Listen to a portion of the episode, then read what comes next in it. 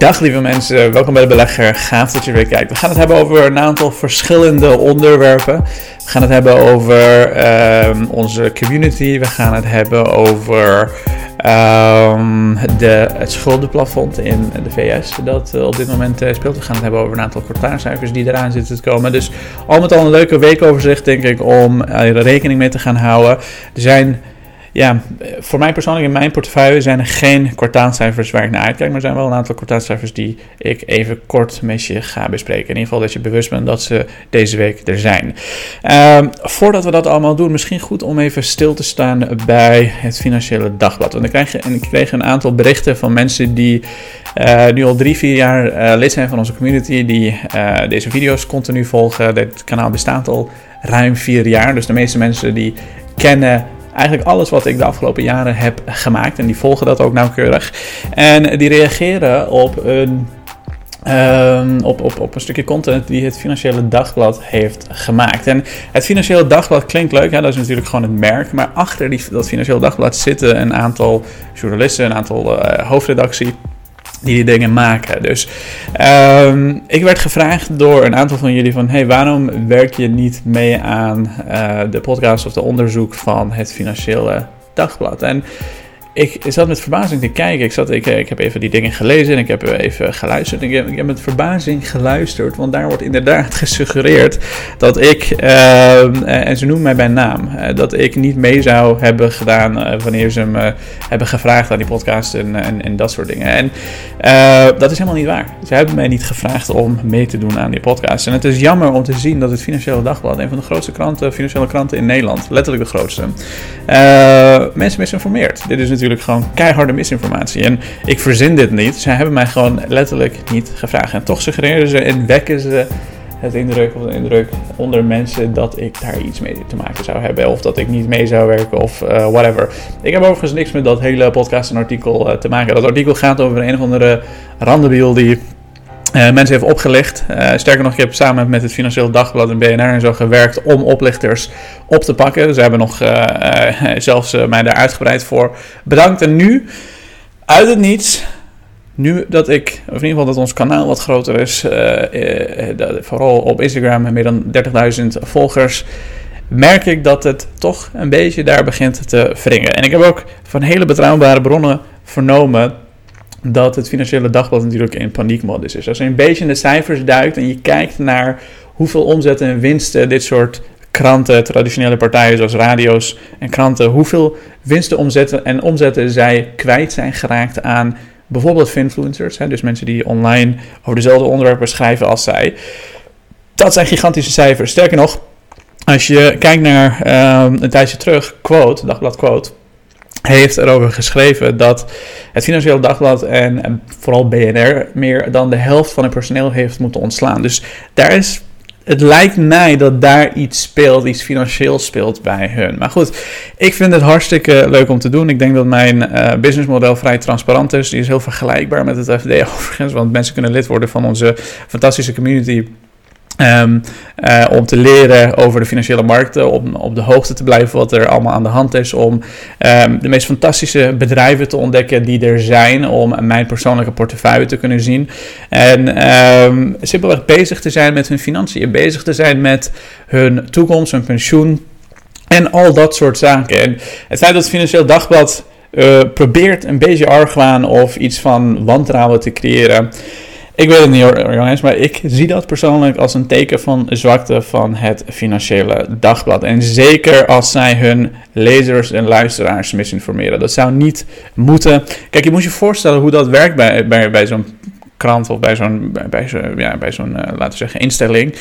Uh, dat bedrijf is hartstikke groot. Ze hebben iets van 100 miljoen, miljoen aan omzet, geloof ik, per jaar. In ieder geval het moederbedrijf. de winst hebben ze met zo'n 80% zien dalen, overigens vorig jaar, dat moederbedrijf. En Um, uh, hoe dat eigenlijk daar werkt. Dus jij hebt daar een hoofdredacteur en die bepaalt, laten we zeggen, wat een beetje in de hoofdlijnen wat het nieuws eens wat zij naar buiten willen brengen. Het is niet zo van iets gebeurt en zij brengen naar buiten. Het is meer van wat willen wij doelbewust naar buiten brengen. En die hoofdredacteur die geeft opdracht aan, laten we zeggen, een journalist of een podcastmaker, zoals een Sonny Motke en Paulien Woester, die die, die, die, die, die, die podcast en zo maken. En Die journalist die gaat daar natuurlijk achteraan en die gaat proberen zo goed mogelijk de baas te overtuigen dat hij een goede jongen is, zodat hij een beetje een eye over zijn bol krijgt. En dat de hoofdredacteur zegt: Goed zo, jongen. Dat, dat, heb je goed gedaan.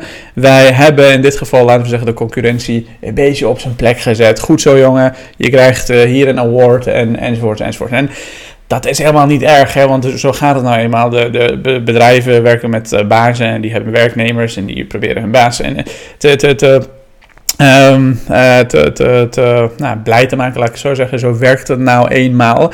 Maar in dit geval is het natuurlijk wel gewoon recht, recht, ja, regelrechte misinformatie. Bewust of doelbewust of onbewust, dat maakt niet uit. En als het onbewust is, weet je, wees niet flauw en zeg het gewoon in je podcast. Als je gewoon een fout hebt gemaakt of het was onbewust en anders heb je het gewoon bewust gedaan.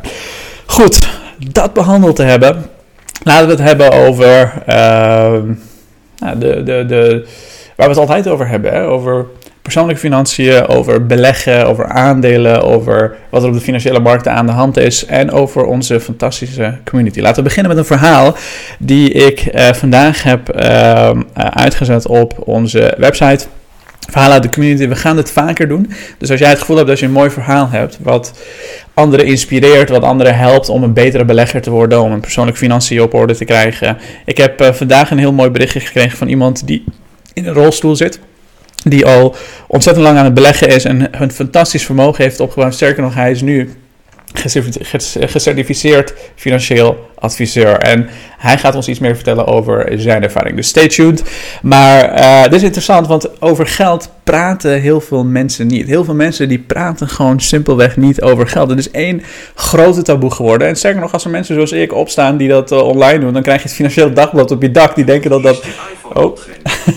die denken dat zij, uh, dat, dat, dat, dat zij de waarheid in pacht hebben, laat ik het zo zeggen. Maar Nick, die heeft. ik noem hem Nick overigens, maar het is privé. Dus je, je naam en je achternaam die blijven gewoon privé. We geven je gewoon even een ander naampje voor, voor de duidelijkheid. Maar ik check wel of het waar is, of je verhaal waar is, laat ik het zo zeggen. Maar Nick die verdient um, ongeveer 75.000 euro netto. En dat is winst dat hij als ZZP'er, dus als ondernemer maakt. Hij heeft een schildersbedrijf. Hij is een schilder van beroep. Hij is 29, woont in Zuid-Holland en heeft uiteindelijk met zijn bedrijf drie tot de drie vaste werknemers gekomen. En dat, dat zijn fantastische verhalen, jongens. Want het maakt niet uit in welk beroep je zit. Het maakt niet uit wat je doet. Of je nou schilder bent of uh, de hoofdredacteur van het Financieel Dagblad. Of maakt niet uit wie je bent in de wereld. Je kan je financiën op orde krijgen. Als je hard werkt, als je zorgt dat je waarde levert aan je klanten, als je zorgt dat je de juiste dingen doet en uh, dat zo goed en verantwoord mogelijk doet voor een hele lange periode, dan kan je daar dus ook heel veel geld mee verdienen. In dit geval heeft Nick ervoor gezorgd dat hij als schilder een bedrijf heeft opgericht met drie vaste werknemers en daar 75.000 euro aan winst elk jaar aan overhoudt. En dat zijn gigantische bedragen, dat is ongeveer 6.000 euro per maand wat Nick verdient. Zijn vaste lasten liggen als je zakelijk bekijkt, uh, uh, ongeveer 1500. En als je privé bekijkt, dan 1600, laten we zeggen, rond de 3000. Dus hij heeft maandelijks ongeveer 3000 euro om te beleggen. Dus check dat hele artikel als je daar geïnteresseerd in bent. En dan gaan we over naar Google's AI. Kijk, AI, ik weet het jongens, iedereen heeft het over AI. En uh, iedereen zegt dat het een hype De ene zegt dat het een hype is, de andere zegt uh, dat het geen hype is. Als je eenmaal ChatGPT echt hebt uitgeprobeerd voor je vak en je bent er creatief mee bezig geweest en je hebt er mooie dingen mee gedaan. Als je eenmaal Bart en dat soort dingen hebt uitgeprobeerd, ik denk dat je dan beseft dat het geen hype is. Het is een serieuze tool.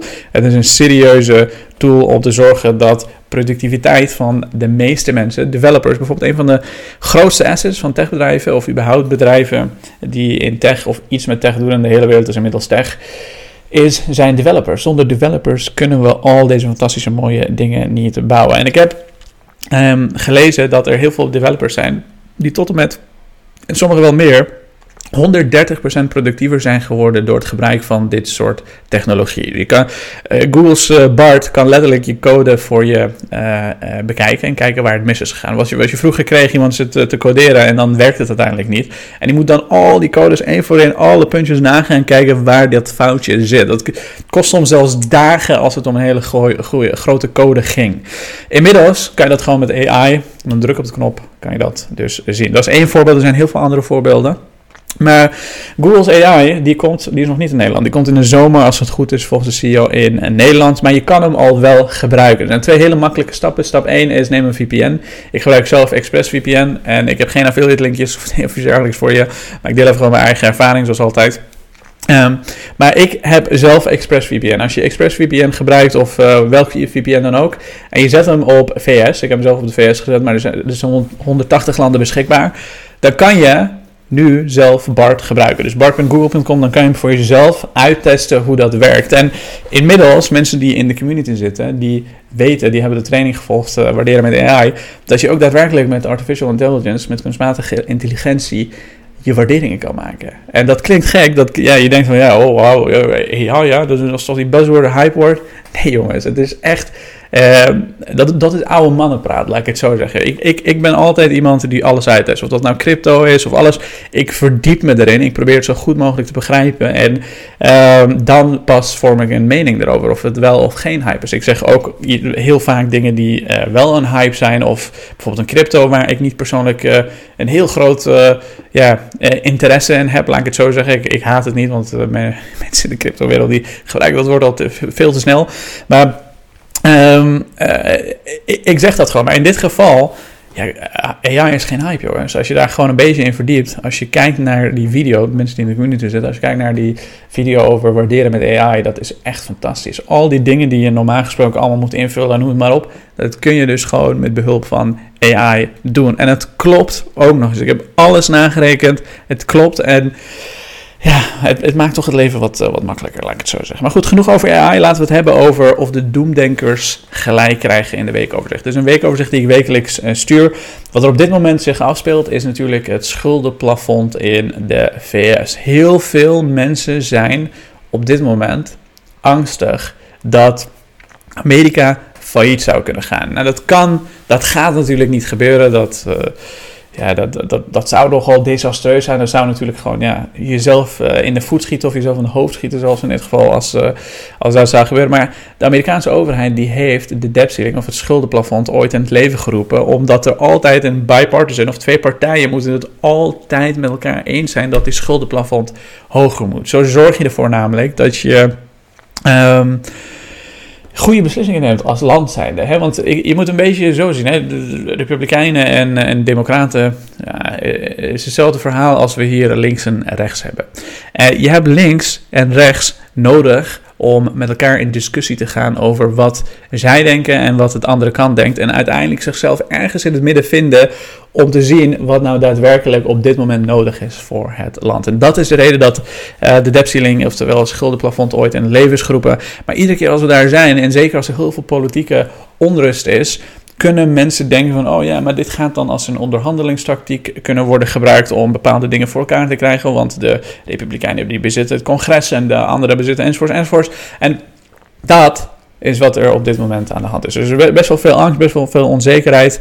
Maar zoals je weet, voor de lange termijn belegger maakt het natuurlijk uiteindelijk niet uit. Hoe lager die koersen, hoe beter, hoe meer je kunt kopen, enzovoorts, enzovoorts. Maar dan moet je wel goed voorbereid zijn en je niet laten aan laten praten door doemdenkers. En dat is eigenlijk alles wat, je, wat ik je vandaag wilde vertellen daarover.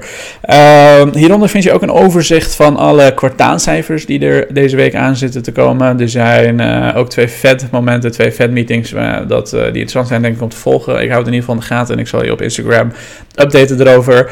Baidu zal zijn kwartaalcijfers rapporteren. We krijgen PC, we krijgen Cisco, we krijgen Target, we krijgen Alibaba. Daar ga ik ook allemaal artikelen over schrijven. We krijgen ook nog Walmart. En dat, is eigenlijk, dat zijn eigenlijk de meest spraakmakende of interessante om met elkaar te bespreken. En that's it. That's it voor vandaag, jongens. Ik hoop dat je dit een fijne aflevering vond. Ik hoop dat je er wat aan had. Ik hoop dat uh, je het gevoel hebt dat je uh, weer wat geleerd hebt. Dat je op de hoogte bent van wat er op die markten aan de hand is. En ik zie je bij de volgende terug.